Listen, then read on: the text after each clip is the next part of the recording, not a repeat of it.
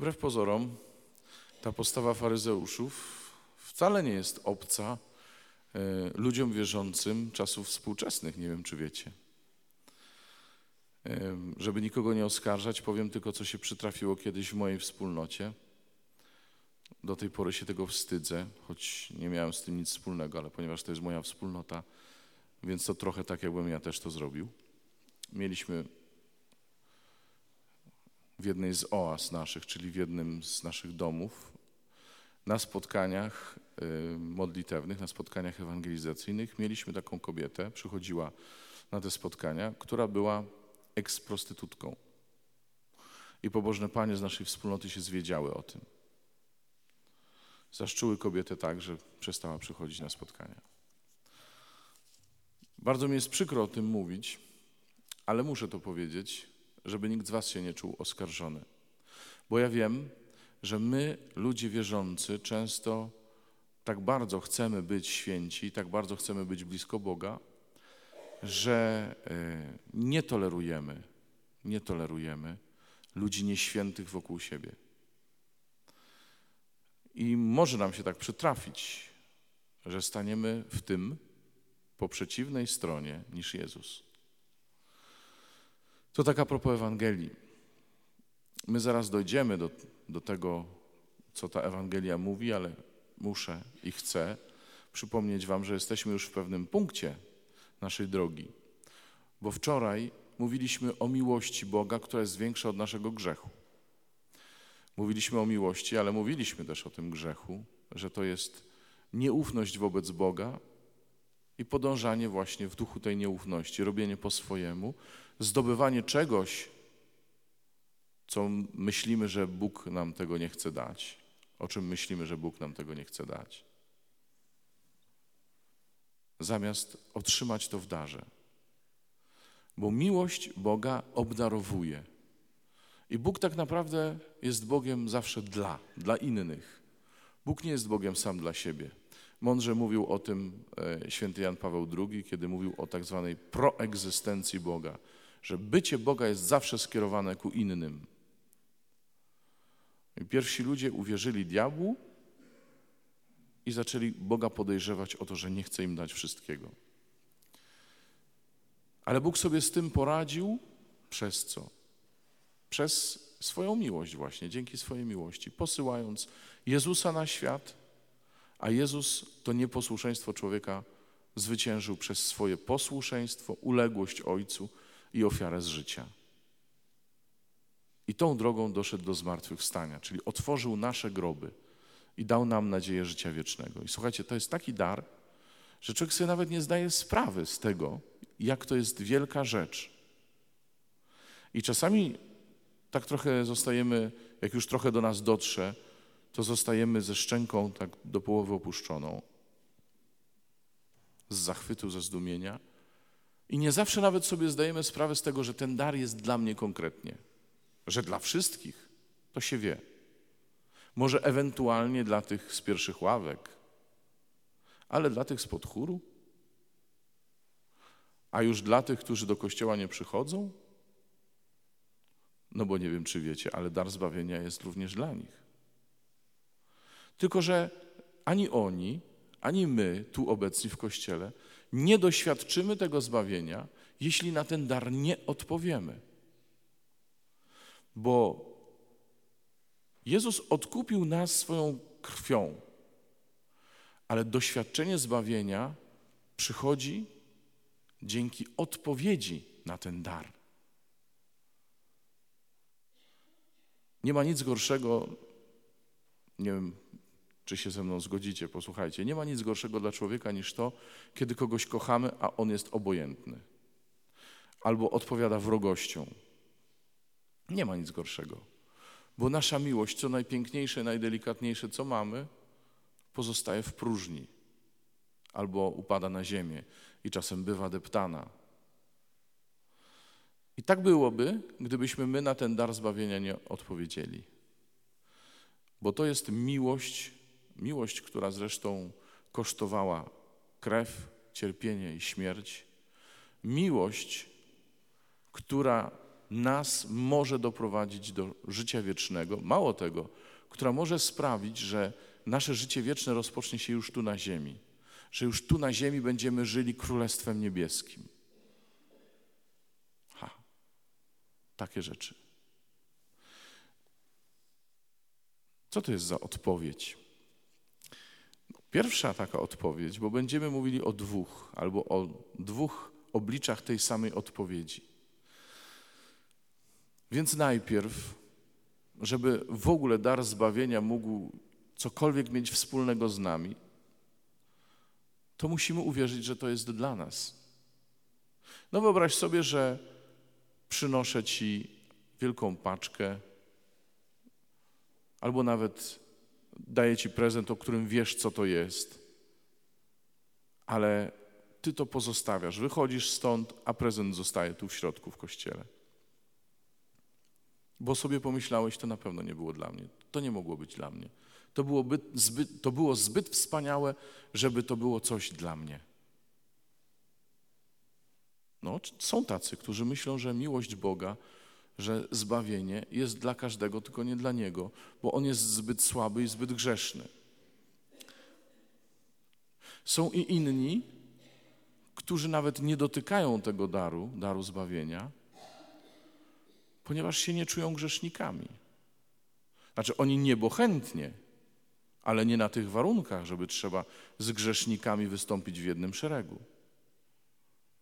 Jak musi cierpieć dzisiaj Pan, kiedy patrzy na takie osoby, które przychodzą do kościoła, a mimo to ze zbawieniem się nie spotykają, bo myślą, że one go nie potrzebują. A już kiedy słyszą, że Jezus mówi, nie przyszedłem wzywać do nawrócenia sprawiedliwych, tylko grzeszników, to co ty masz z nami wspólnego, Panie Jezu, mogliby powiedzieć. Wiecie, nie będę może wchodził w szczegóły, ale jak się spowiada ludzi, tu nie spowiadałem, więc możecie być pewni, że się nie odnoszę do nikogo. Jak się spowiada ludzi, którzy przychodzą i opowiadają o grzechach cudzych, a nie własnych, przypominam sobie taką sytuację, to powiedziałem komuś, no wie pani, proszę przysłać męża po rozgrzeszenie, bo jego grzechy już znam, a pani grzechów jeszcze nie. Rozumiesz, człowiek tak bardzo boi się tego, że nie jest doskonały, że nie jest wystarczająco dobry, że najchętniej w ogóle by udawał, że nie ma grzechów. Ale to dopiero wtedy, kiedy się na to zgodzimy, zbawienie staje się naszym udziałem. Uwierz, że potrzebujesz zbawienia i uwierz jednocześnie, że ono jest dla ciebie. Zaufaj Jezusowi że On cię nie chce w nic wrobić, nie chce cię pokazywać palcem, ty grzeszniku jeden, ale że przyszedł do ciebie na przyjęcie, że się chce dać ugościć w twoim domu. Jaki się robi raban na świecie? Wszystkie gazety, radio, telewizja, internet piszą o tym, że na przykład papież niespodziewanie odwiedził tam kogoś. To jest bardzo miłe, że odwiedził. Ale jest to coś tak znanego i coś, co wszyscy tak podziwiają, a z drugiej strony sam Jezus chce przyjść do ciebie, do twojego domu z darem zbawienia. Przyjmiesz go? Chodzi o to, czy w to uwierzysz, że to On i to Ty. On przychodzi do Ciebie. I zobacz, jest gotów być z tymi, którzy są Tobie bliscy z całą Twoją rodziną, również z tymi, którzy do kościoła nie chodzą. Jezusowi na takich zależy. Dla nich przyszedł na świat, za nich umarł na krzyżu, dla nich również zmartwychwstał. Uwierz w to.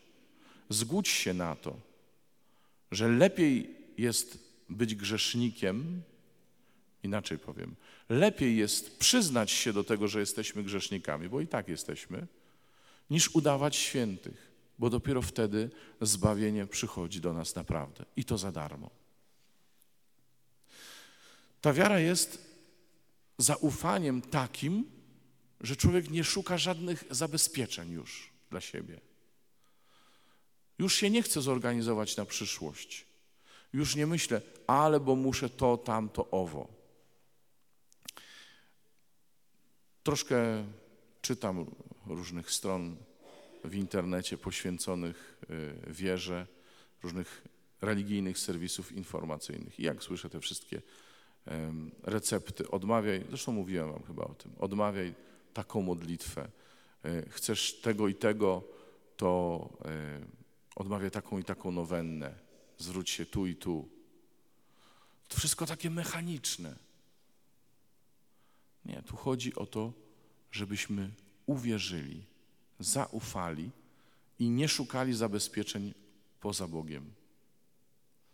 Ludzie wierzący czasami szukają zabezpieczeń wszędzie, byleby się nie bać. Na przykład, nie wiem, horoskopy wszelkiego rodzaju, jak, jacyś znachorzy, jakieś historie w ogóle ze świata magii. A już szczytem wszystkiego było, kiedy w jednej z katolickich rozgłośni rano po wiadomościach usłyszałem horoskop. No. Bo człowiek szuka zabezpieczenia. Człowiek chce sobie mniej więcej wyobrazić, co się może dziać w przyszłości. A zaufać? Nie. Strach. Dzisiaj nas Jezus do tego zaprasza, bo on, Jemu zależy na tym, żeby zbawienie dotarło do nas wszystkich, do każdego z nas. Jasne, że to wymaga odwagi, ale jak już się odważysz, przypomina mi się historia ekwilibrysty. Nawiasem mówiąc, podobną historię można było zobaczyć, pewnie niedosłownie taką samą, ale historię o człowieku, który chodzi po linie między dwoma drapaczami chmur. Można było zobaczyć na filmie Na krawędzi. Może ktoś oglądał. No ale ta historia, o której wam mówię, to mniej więcej wygląda tak. Jest sobie mężczyzna, który rozciągnął linę pomiędzy dwoma drapaczami chmur na, Manha na Manhattanie w Nowym Jorku i on chodzi po tej linie między tymi drapaczami chmur, budząc oczywiście zainteresowanie tłumu. Tam na dole pod tymi wieżowcami, u ich stóp, ludzie się tłoczą, żeby zobaczyć całą tę sprawę, zwłaszcza, że ekwilibrysta nie używa zabezpieczeń. I jest taka pewna prawidłowość, że z każdym przejściem ekwilibrysta zwiększa stopień trudności. Ale im trudniejsza jest sztuka, którą chce wykonać, tym mniej jest ludzi, którzy są gotowi na to patrzeć, bo się boją, że to się w końcu źle skończy. No ile razy można mieć szczęście, że się przejdzie stąd tam? Jest tylko jedna, zawsze jeden warunek, żeby ekwilibrysta przeszedł pomiędzy tymi drapaczami chmur. On zawsze prosi, żeby ktoś tam z dołu wyraził wiarę w to, że on da radę. Czy ktoś wierzy, woła przez megafon, że ja tu dojdę? I wtedy ktoś tam zawsze głośno krzyczy: Tak, ja wierzę. W końcu wyszedł na krawędź tego, na krawędź tego wieżowca z taczką. Taczka, kółeczko, dwa drążki. No i tłum się zdecydowanie rozrzedził, zostało parę osób, a on nadal pyta, czy ty wierzysz, że ja dam radę przejść z tą taczką stąd tam? I ktoś zawołał, że wierzy. I wtedy on mówi, to zapraszam do taczki. Rozumiesz to? Jak trzeba wierzyć komuś, żeby się dać przewieźć taczką po linie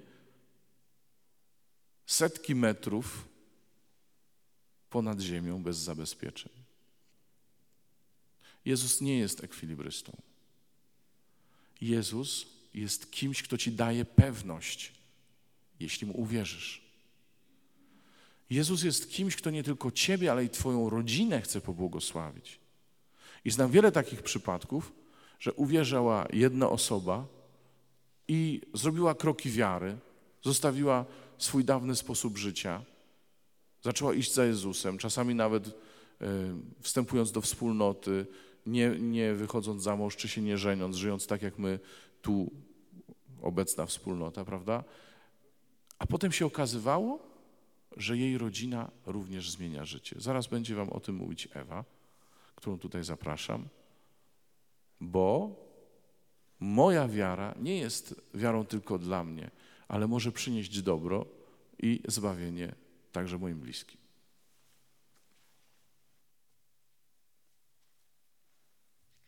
Witam wszystkich serdecznie.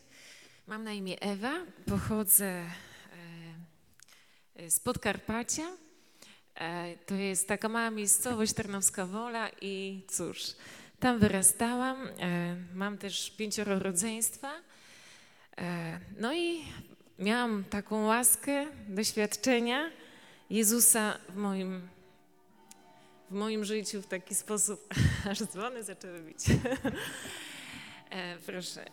Cóż, Jezus przyszedł do mojego życia przyszedł do mojej całej mojej rodziny. To było takie mocne moje doświadczenie. E, jak to się stało? Mm, no właśnie, w mojej rodzinie, e, no muszę przyznać, że były różne sytuacje. Jak w każdej rodzinie nie brakuje też trudów. Tak i w moim życiu nie brakowało trudów. Byliśmy rodziną bardzo mm, tradycjonalną, w sensie też wiary, uczęszczając do kościoła i tak dalej ale właśnie borykaliśmy się z takim problemem jak e, alkohol, był alkohol, była też e, choroba, takie upośledzenie mojej siostry. Pamiętam, że relacje też były rozbite w mojej rodzinie i generalnie była wielka beznadzieja. A wiecie, jak nie ma się już czego uchwycić, człowiek, to gdzie idzie? Idzie do Boga. I ja pamiętam wtedy, e, wołałam bardzo mocno do, do Boga. I mówię, jeżeli istniejesz, proszę, zrób coś w tej sytuacji.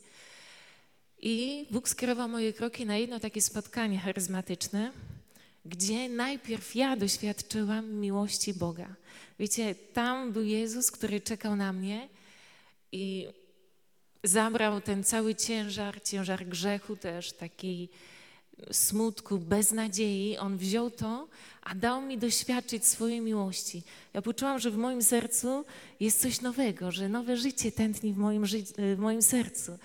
I, I myślę, wow, cudownie jest uwierzyć, cudownie jest uwierzyć Jezusowi. I tak się zaczęła moja przygoda z Jezusem. Moje, najpierw moje życie się przemieniło, e, i od tego momentu już nie, nie, nie puściłam Jezusa. Później co zrobił? Jezus skierował moje kroki do wspólnoty, do wspólnoty Jan Chrzciciel i chwała Mu za to. Tam przeżyłam przepiękny kurs Jozue. I na tym kursie ogłaszaliśmy jedno słowo. Ono jest w dziejach apostolskich i mówi tak: Uwierz, a zbawisz siebie i swój dom. I wiecie, ja ogłaszałam to słowo i po roku zaczęły się dziać cudowne rzeczy w tej rodzinie. Bo cóż, ta wspólnota pokazała mi też, jak się modlić. Zaczęliśmy się modlić. E, jest tak zwany dom modlitwy, gdzie co tydzień spotykaliśmy się, wielbiąc Pana, czytając Boże Słowo. I wiecie, i na tym domie modlitwy zaprosiłam wszystkich, oczywiście też domowników. Jezus, wiecie, przychodził i dotykał życie każdego z nich. E, widziałam, jak uwalnia mojego tatę, jak podnosi się atmosfera, jak relacje się zmieniają. Życie każdej z tych osób, każdego z nas przemieniało się w cudowny sposób. I dlatego dzisiaj chcę Was zachęcić, że warto uwierzyć Jezusowi, warto postawić na Nim, warto Mu zaufać, bo On czyni cudowne rzeczy. Mogłabym Wam wiele opowiadać, co jeszcze e, się dzieje, bo dzieją się cudowne rzeczy, a to wszystko dzięki temu, że masz dar. Każdy z nas tutaj obecnych ma dar. Ty masz dar, a tym darem jest wiara. I Jezus chce, żebyś z tą wiarą przyszedł do Niego i oddał Mu to, co jest w Twoim życiu może właśnie beznadziejne. Nade wszystko oddaj Mu swoje życie, ażeby pobłogosławił nie tylko Ciebie, ale całą Twoją rodzinę. Dlatego to, co uczynił Jezus dla mnie, On chce uczynić i dla Ciebie. On mi dał radość, dał nadzieję, dał uwolnienie, dał nowe życie. Uwierz i, i przyjmij to błogosławieństwo, które On chce Tobie też dać.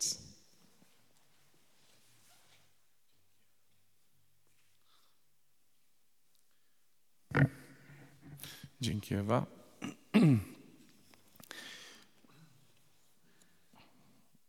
Wiara mogłaby być czymś takim niekonkretnym. No, zaufał Bogu, dobra. I co dalej? Co ma, jak, jak ma wyglądać moje życie w związku z tym, że uwierzyłem? No wszyscy by sobie mniej więcej wyobrażali, no nie trzeba za dużo pić, nie trzeba tego robić, tamtego robić. Ogólnie się mniej więcej wie. Ale zmiana życia nie może być y, tym, co z nas wyniknie i co my sami zrobimy dla Boga. Zmiana życia przede wszystkim polega na tym, że muszę zobaczyć, gdzie jest Jezus w moim życiu. Czego On ode mnie chce? Mojego sumienia muszę się zapytać. Muszę stanąć i jeżeli szedłem drogą bez Jezusa albo wbrew Jezusowi, to muszę zmienić kierunek tej drogi. I to się nazywa nawrócenie. Ja się po prostu muszę nawrócić. I owszem, ta, to nawrócenie będzie domagało się konkretnych kroków, e, może zmiany sposobu życia, ale przede wszystkim będzie się domagało postawienia Jezusa na pierwszym miejscu w moim życiu. Znaczy, moje motywacje, to dlaczego coś robię albo czegoś nie robię, zawsze będzie miało Jezusa na czele.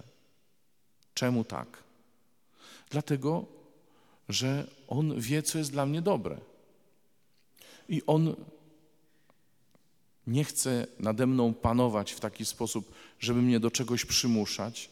Gdyby tak było, to nie mielibyśmy grzechu pierworodnego. Zobaczcie, to właśnie dlatego, że Bóg zawsze nam zostawia wolność, człowiek był w stanie zgrzeszyć. Ale też tylko dlatego my jesteśmy w stanie się nawrócić. Nie jesteśmy bezwolnymi marionetkami.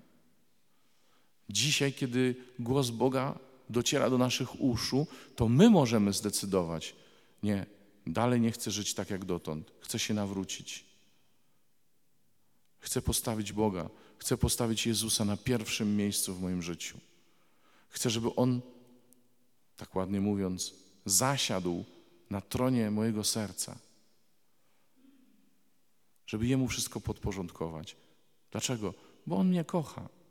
Ja się Go nie boję. Ja Mu mogę zaufać. Dlaczego ludzie się pobierają? Bo zaczynają sobie ufać. Zaczynają sobie ufać. Są gotowi oddać swoje życie tej drugiej osobie. Tu mówię o prawdziwej, dobrej motywacji do, do, do małżeństwa. Nie mówię o tym, dlaczego niektórzy są ze sobą i przystępują do sakramentu, ale mówię o prawdziwej motywacji do małżeństwa, bo sobie ufają, bo są przyjaciółmi, bo nie podejrzewają się o nic złego. I z Jezusem tak jest, że my możemy tak Mu zaufać, żeby do Niego należeć. Nie tylko, żeby e, mówić, jestem wierzący, ale żeby mówić, On jest moim Panem. Bo Sercem przyjęta wiara prowadzi do usprawiedliwienia, a wyznawanie jej ustami do zbawienia. Tak mówi święty Paweł w liście do Rzymian. Co to znaczy? Że kiedy w sercu uwierzę,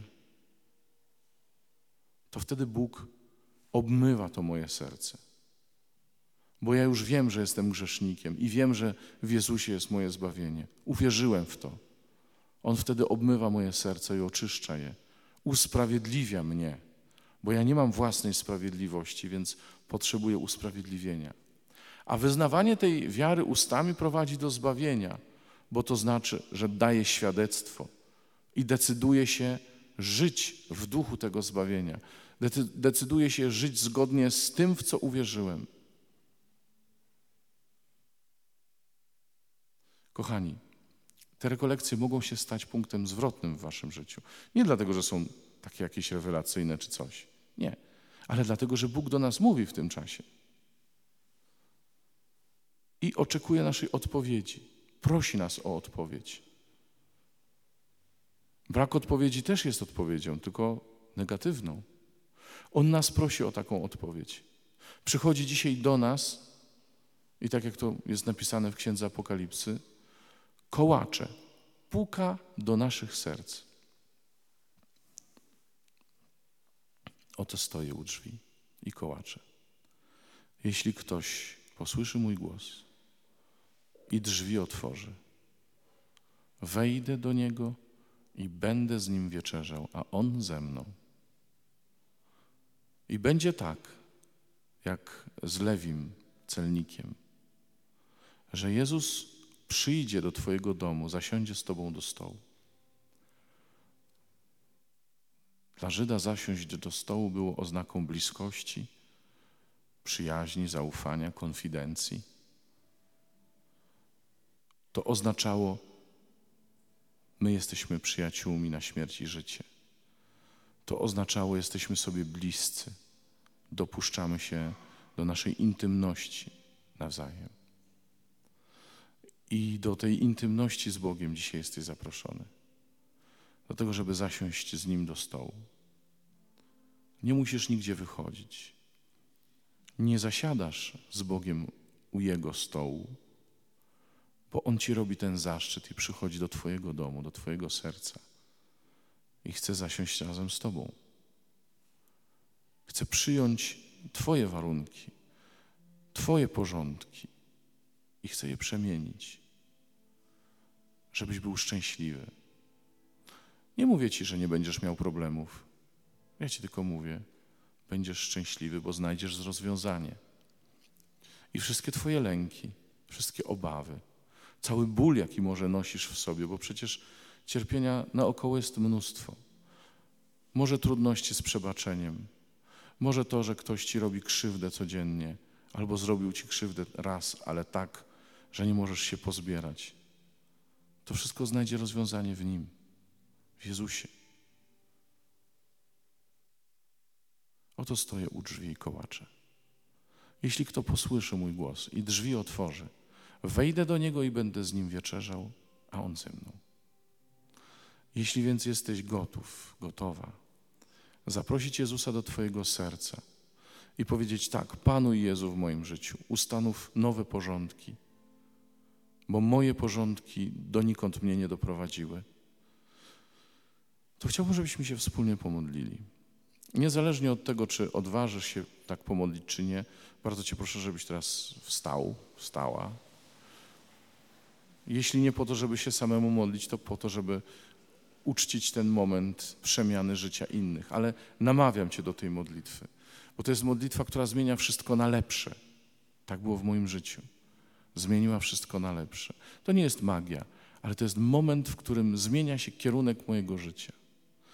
Dlatego, jeśli chcesz, to módl się razem ze mną. Panie Jezu, dziękuję Ci, że mnie tutaj przyprowadziłeś. Chcę Ci powiedzieć, że Ciebie bardzo potrzebuję. Bo jestem grzesznikiem, a zbawienie mogę otrzymać tylko od Ciebie. Ufam Tobie, Panie. Wierzę we wszystko, co dla mnie zrobiłeś. I wierzę, że mnie kochasz. Chcę dzisiaj włożyć moją dłoń w Twoją. Prowadź mnie. Wyznaję Ciebie dzisiaj moim jedynym Panem i Zbawicielem. Chcę wypełniać Twoją wolę, Panie, przez całe moje życie. Amen. Gratuluję Ci z całego serca tej decyzji. Nie będziesz jej żałował. Wierz mi. Jak żyć? Jak żyć Królestwem Bożym tu na ziemi już? Y, o tym będzie jutro. Powiedziałem Ci, że każdy, kto przyjmuje dar zbawienia, zaczyna żyć Królestwem Bożym tu na ziemi. I o co w tym chodzi i na czym to polega, o tym będzie jutro. Przychodźcie i przyprowadźcie innych. Dzięki.